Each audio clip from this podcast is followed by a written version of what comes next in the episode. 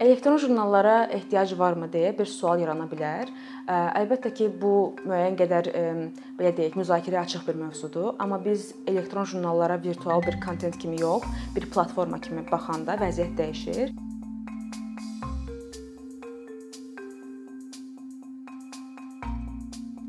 Jurnallar eyni zamanda insanların oxuma, yazma və e, belə deyək, savadlılıq dərəcəsinə də əlbəttə ki, kömək eləyirlər və təsir eləyirlər. Biz buna misal olaraq göstərə bilərik ki, ümumiyyətlə jurnalları oxuyanda e, biz daha çox cəmiyyətin e, belə deyək, maraqlarına daha dərindən baxa bilirik. Çünki əgər biz gündəlik xəbərlərdə oxuyuruqsa, misal üçün bir hadisə baş verib, bir tədbir baş verib, biz jurnalda bunu daha əhatəli, daha təhlil vari və daha belə resenziyasını oxuyuruq və bu bir e, xəbərlə daha çox ondan fərqlənir ki, biz artıq bir xəbər yox, bir məqaləni e, belə deyək istehlak eləyirik və bununla da bir xəbərin mənasını daha yaxşı başa düşürük və yaxud da bir tədbirin, e, bir baş vermiş bir hadisənin belə deyək təfərrüatlarına enirik və onun nəinki bir tarix, məkan, bir şəxs olaraq eyni zamanda onun təsirlilik gücünü, effektini, faydalı və ya da faydasız olmağını anlayırıq. Buna görə jurnallar, xüsusən elektron jurnallar bunun üçün vacib hesab oluna bilər. Hazırda bilirik ki, yazılı materiallar daha az istehlak olunur. Bu əlbəttə ki, bizim yaşadığımız sosial və virtual çevrə, əhatə və bizim bununla bağlı dəyişən vərdişlərimizə görə belə olur. Artıq insanlar videolara, xüsusən qısa videolara daha çox önəm verirlər və bunlara daha çox səbirləri var. Nəinki yazılara, uzun məqalələrə və s. və insanlar bu cürə bir əhatədə özlərinin bloq açmaqları kimi bir təşəbbüs irəli sürməyə çox da belə deyək, həvəsli olmurlar. Çünki birincisi blok açmaq özü də ayrı bir məsuliyyətdir, hansısa bir saytda yazmaq özü də ayrı bir məsuliyyətdir və buna görə də elektron jurnal platforması onlara imkan verir ki, siz heç bir məsuliyyət götürmədən, yəni yalnız öz yazınızın məsuliyyətini götürərək belə hansısa bir yazı belə deyək, yarada bilərsiniz, kontent yarada bilərsiniz. Və Muza elektron incəsənət jurnalı olaraq biz 2020-ci ildən bəri incəsənətin müxtəlif qollarına, sahələrinə uyğun yazılar, illüstrasiyalar paylaşırıq və eyni zamanda rubrikalar paylaşırıq və Muzanın adından deyəsi olsam, elektron jurnal olaraq biz həm də belə deyim, arxivləşdirmə missiyasını yerinə yetirməyə çalışırıq deyək. Çünki bayaq da qeyd etdiyim kimi xəbərlər, saytlar, onlayn saytlar, sosial media gündəlik olaraq bizi hər şeyi ötürür və biz bunu alırıq, istehlak eləyirik. Amma onların arxiv belə deyək, rolu alması biraz daha çətinləşir. Çünki gündəlik o qədər çox xəbər olur ki, o qədər çox hadisə baş verir ki, o tam olaraq data bir yerdən sonra belə deyim itmir, amma çox olduğu üçün artıq orada müəyyən bir fikir çıxartmaq da mümkün olmur bəzən. Amma jurnallar buna imkan verir ki, biz 2021-ci il fevralına baxanda mədəni olaraq mədəniyyət barəsində, incəsənət gündəliyi barəsində nələr olubsa, o agendanı biz çox yaxşı görürük jurnal sayəsində. Nə baş verib, insanlar buna haqqında nə düşünüblər, məsələn hansı albom çıxıb, hansı kino nümayiş olunub, hansı mükafat verilib, hansı kino festivalı həyata keçirilib və s. artıq biz bunu xəbər kimi deyil, daha belə ümumiləşdirilmiş şəkildə ki, ümumiyyətlə bu kino festivalının məsələn mənası nə idi, nəyə görə baş verdi, nələr qazandı və bu ümumiyyətlə sosial və yaxud da yəni ümumiyyətlə sosial formada bu hansı təsirlərə, hansı təsir gücünə malik oldu. Və elektron jurnalların önəmini bir də olmayanda başa düşə bilərik ki, artıq xaricdə, Avropa, Amerika ölkələrində biz orta məktəblərin, kolleclərin və universitetlərin öz tərkiblərində jurnallar e, həyata yəni jurnallar e, çıxartdıqlarını və elektron formada fəaliyyətə başladıqlarını görə bilirik. Əlbəttə ki, bu jurnalların əsas məqsədi tələbələrə və yaxud da şagirdlərə, kollec tələbələrinə e, daha maraqlı bir tələbəlik həyatı təqdim etməkdir və eyni zamanda onların savadlılıq dərəcəsini xaricdən gələ biləcək təhlükəli informasiyalarla deyil, onların öz yaratdıqları və yenə bayaqki gənclərin gənclərini ağlama məsələsinə toxunuram ki, biraz daha öz yaşıdlarının dilindən anlama imkanı verir. Böyük Britaniyanın e, Emerson kollecində Your Magazine adlı bir elektron jurnal dərc olunur. E, hansı ki, bununla bağlı, bu jurnalla bağlı ən əsas və maraqlı faktorlardan biri odur ki, e, bu jurnalda yalnız kollecin tələbələri yazır və burdakı mövzu rəngliliyi, mövzu fərqlilikləri də diqqət cəlb edəndir. Çünki burada yenə kollecin öz tələbələri yazdığı üçün yeniyetmələr və gənclər öz dillərində öz həmyaşıdlarına müəyyən məsələlərlə bağlı bir kontent təqdim edirlər. Məlum məsələdir ki, yetkin insanlar pandemiya ilə bağlı daha məsələn fərqli mövzular düşünürlər, fərqli belə qayğıları var. Məsələn, siyasi fərqliliklər, pandemiyanın gətirdiyi siyasi mövzular, iqtisadi mövzular və yaxud da sosial olaraq biz nədən belə deyək, nələri itirdik və nələri qazandıq və s. Amma məsələn Yor maqazin elektron jurnalında biz bununla bağlı bir məqalə görürük ki, pandemiya bizim dostluq münasibətlərimizə necə təsir elədi. Bu artıq özü də bir maraqlı bir mövzudur. Çünki yetkinlərin baxışlarından kənar olaraq yeniyetmələr və gənclər özləri öz həmyaşıdlarına tamamilə başqa bir mövzuda, başqa bir rakursdan bir kontent təqdim eləyirlər və ABŞ-da yerləşən Timber Creek Orta Məktəbinin jurnalı da bu mövzuda nümunə çəkilə biləcək bir kontentdir, platformadır belə deyək. Çünki burada 3 sahə üzrə müxtəlif məqalələr dərc olunur: ədəbiyyat, idman və incəsənət. Və maraqlısı budur ki, bu hər 3 mövzu, hər üç sahə orta məktəbin tərkibində baş verən tədbirlər əsasında yaranır və eyni zamanda onlar həm elektron jurnal tərcümə etməklə yanaşı, həm də öz saytlarında, yenə onlayn saytlarında tələbələrinə, öz şagirdlərinə imkan verirlər ki, onlar müəyyən belə deyək, filmlərlə, kitablarla ya da ki, öz maraqlandığı hadisələrlə bağlı resenziyalar yaza bilsinlər, öz şərhlərini verə bilsinlər. Hansı ki, bu da o e, orta məktəbin belə deyək, şagirdləri üçün həm ilk iş təcrübələri hesab oluna bilər, həm də oxuma yazma bacarıqlarını daha asanlıqla inkişaf edə biləcəkləri bir e, platforma hesab oluna bilər. Digər bir nümunə isə Türkiyədəndir. Türkiyədə Baraka adında bir elektron jurnal var. Bu jurnal memarlıqla, urbanizasiya ilə bağlı sırf məqalələr dərc eləyir və burada da yenə biz görürük ki, məqalə yazanların çoxu ya yenicə məzun olmuş belə deyək, ekspertlərdir, memarlar və urbanizasiya ilə məşğul olan insanlardır və yaxud da elə tələbələrin özüdür. Və bu da yenə bizə imkan verir ki, biz həmin jurnal sayəsində o jurnalın yaratdığı kütləni, icmanı təhlil edə bilək və görək ki, onlara ümumiyyətlə nə maraqlıdır. Memarlar, yeni memarlar, yeni urbanizasiyanı daha fərqli cürə görmək istəyən şəxslər, tələbələr necə görmək istəyir və onlar gələcəklə bağlı nə düşündürür, hazırda təhlilləri, düşüncələri nələrdir?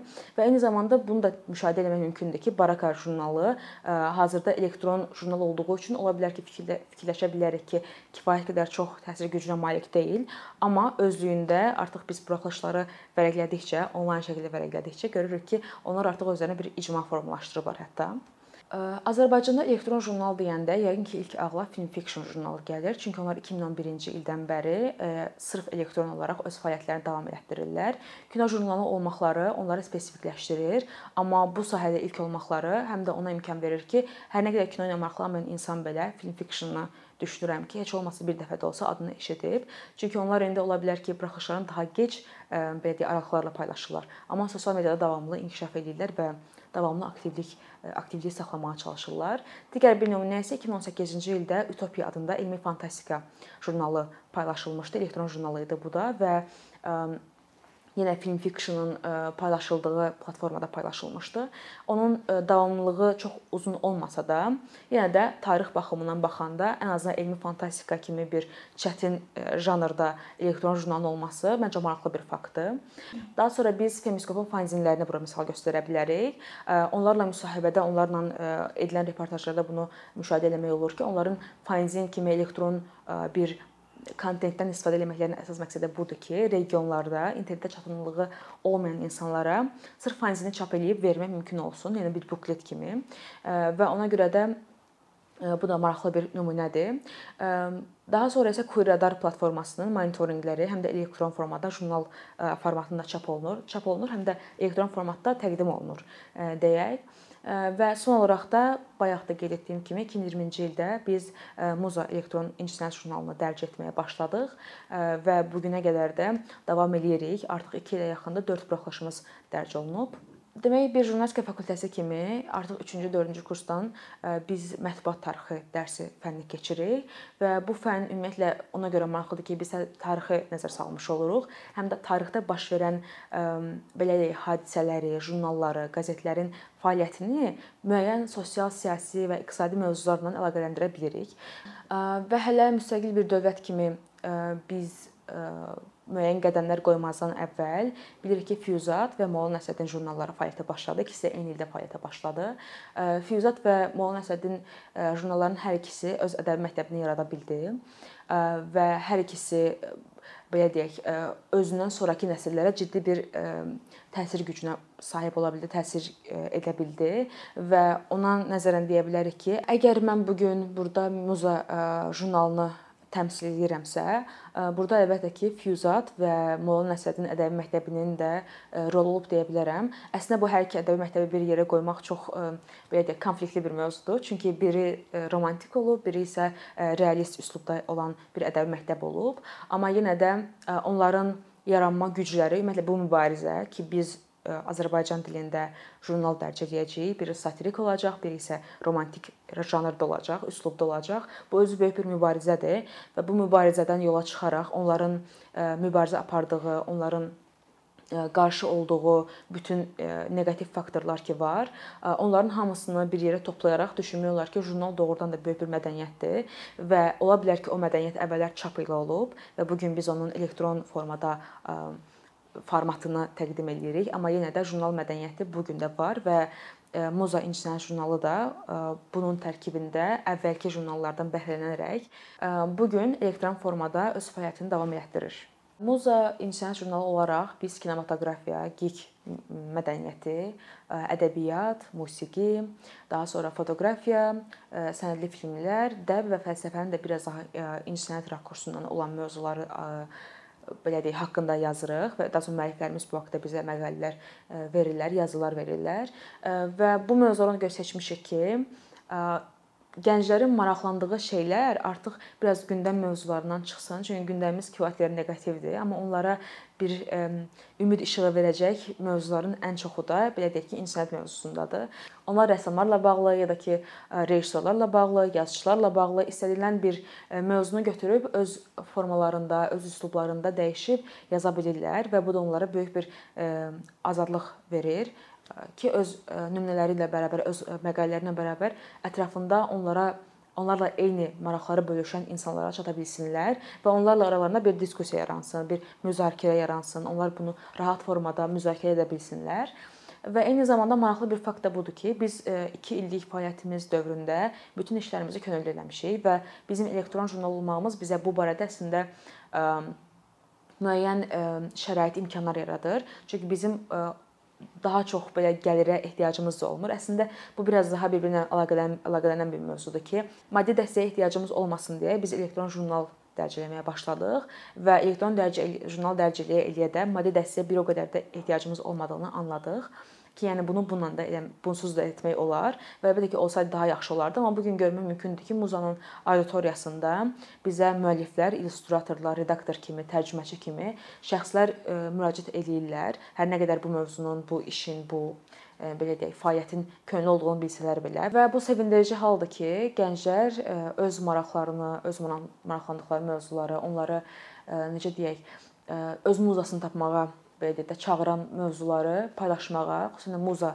tərəfindən Muzanın vasitəsilə paylaşmağa çox maraqlıdırlar və buna böyük bir vaxt sərf eləyirlər, sərf etmək istəyirlər.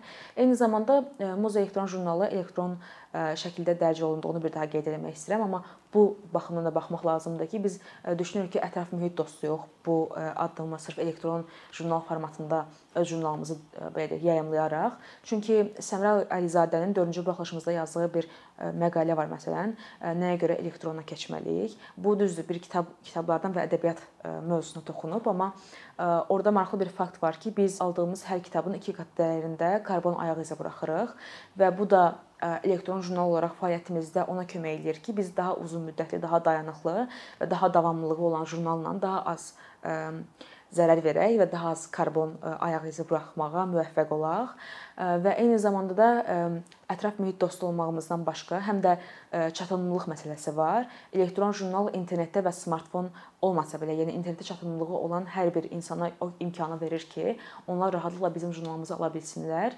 və oxuya bilsinlər daha doğrusu.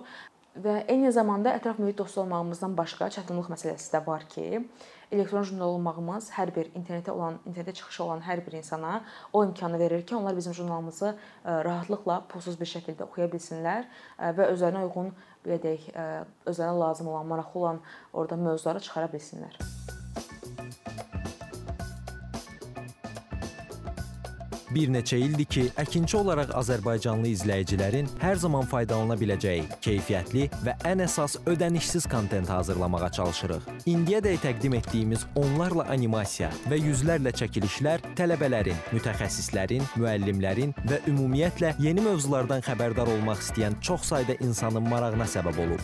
Bu illər ərzində hazırladığımız videolar təhsil, texnologiya, ictimai fəallıq, iqtisadiyyat, gender bərabərliyi, ətraf mühit, ifadə azadlığı, hüquq, demokratik inkişaf, mədəniyyət və digər mövzuları əhatə edib. Məqsədimiz çoxlu baxış gətirən deyil, çoxlu fayda gətirən videolar hazırlamaqdır. Amma bu düşündüyümüz qədər asan deyilmiş. Gördüyümüz iş kifayət qədər resurs, əmək və təbii ki, davamlılıq tələb edir. Bu səbəbdən Patreon platformasından istifadəyə başladıq. Əkinçinin Patreon hesabının populyarlaşmasına çox böyük ümidlərimiz və gözləntilərimiz var. Bəziləriniz Patreon haqqında ilk dəfə eşidirsiniz. Əslində çox sadə izahı olan bir platformadır. Təsəvvür edin ki, siz rəssam və ya musiqiçisiniz. Sosial şəbəkələrdə sizi izləyən, işinizi bəyənən çox sayda insan var. Patreon platforması sizə imkan verir ki, izləyicilərinizin könüllü aylıq ödənişləri sayəsində işinizi davam etdirəsiniz. Sərgi, konsert zallarından asılı qalmayasınız. Amma bu təkcə rəssam və musiqiçilərə aid deyil. Məsələn, əkinçiyə bənzər fəaliyyətlə məşğul olan bəzi layihələrin 10 minlərlə patronu var. Biz də düşündük ki, nə üçün əkinçinin Patreon hesabı olmasın? Sizin dəstəyiniz sayəsində biz daha çox və daha keyfiyyətli kontent yaratmağa davam edə biləcəyik. Amma bu dəstək yalnız maddi dəstək deyil. Dəstəkçilərimizin sayının artması gördüyümüz işlərin faydalı olduğuna dair əminlik verir. Patreon platformasından istifadə çox sadədir. Hesabınızı açırsınız, sizə uyğun dəstək növünü seçirsiniz və Patreon özü hər ayın ilk günü kartınızdan seçdiyiniz dəstək növünə uyğun ödəniş tutur. Bu qədər. Sonda onu demək istəyirik ki, dəstəkçilərin sırasına qoşulmaq istəyən, amma məhdud imkana görə bunu edə bilməyənlər narahat olmasın. Daha öncə dediyimiz kimi, bizim əsas məqsədimiz daha çox insanın hər zaman faydalana biləcəyi keyfiyyətli və ödənişsiz kontentin yaradılmasıdır. Bunun üçün mütləq patronumuz olmalısınız deyə məcburiyyət yoxdur. Amma imkanınız patron olmağa çatırsa və bizim işimizi bəyənirsinizsə, patronlarımızın sırasına qoşulmağınız bizim üçün çox önəmlidir.